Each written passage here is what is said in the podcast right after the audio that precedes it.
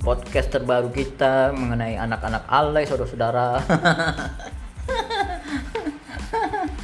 Gimana saudara? Saudara-saudara? I- apa eh, bintang tamu kali ini kita samarkan ya namanya, Namanya. Aliando. Ya. Nah, Aliando. Ah, gimana Mbak Aliando? Gila lu. Eh, sekarang saat PSBB ini banyak eh, berita-berita yang yang kasus pembegalan, kasus Ah, iya. itu sih kasus ya. eh, awalnya dari pembebasan napi tuh Ya, dari itu ya berdasarkan kata pemerintah kan ya kata Aduh. pemerintah itu katanya buat mengurangi virus corona ya tapi menurut saya ya iya kalau menurut saya itu tidak efektif gimana kalau menurut saudara Ali Iya ya itu emang nggak efektif itu.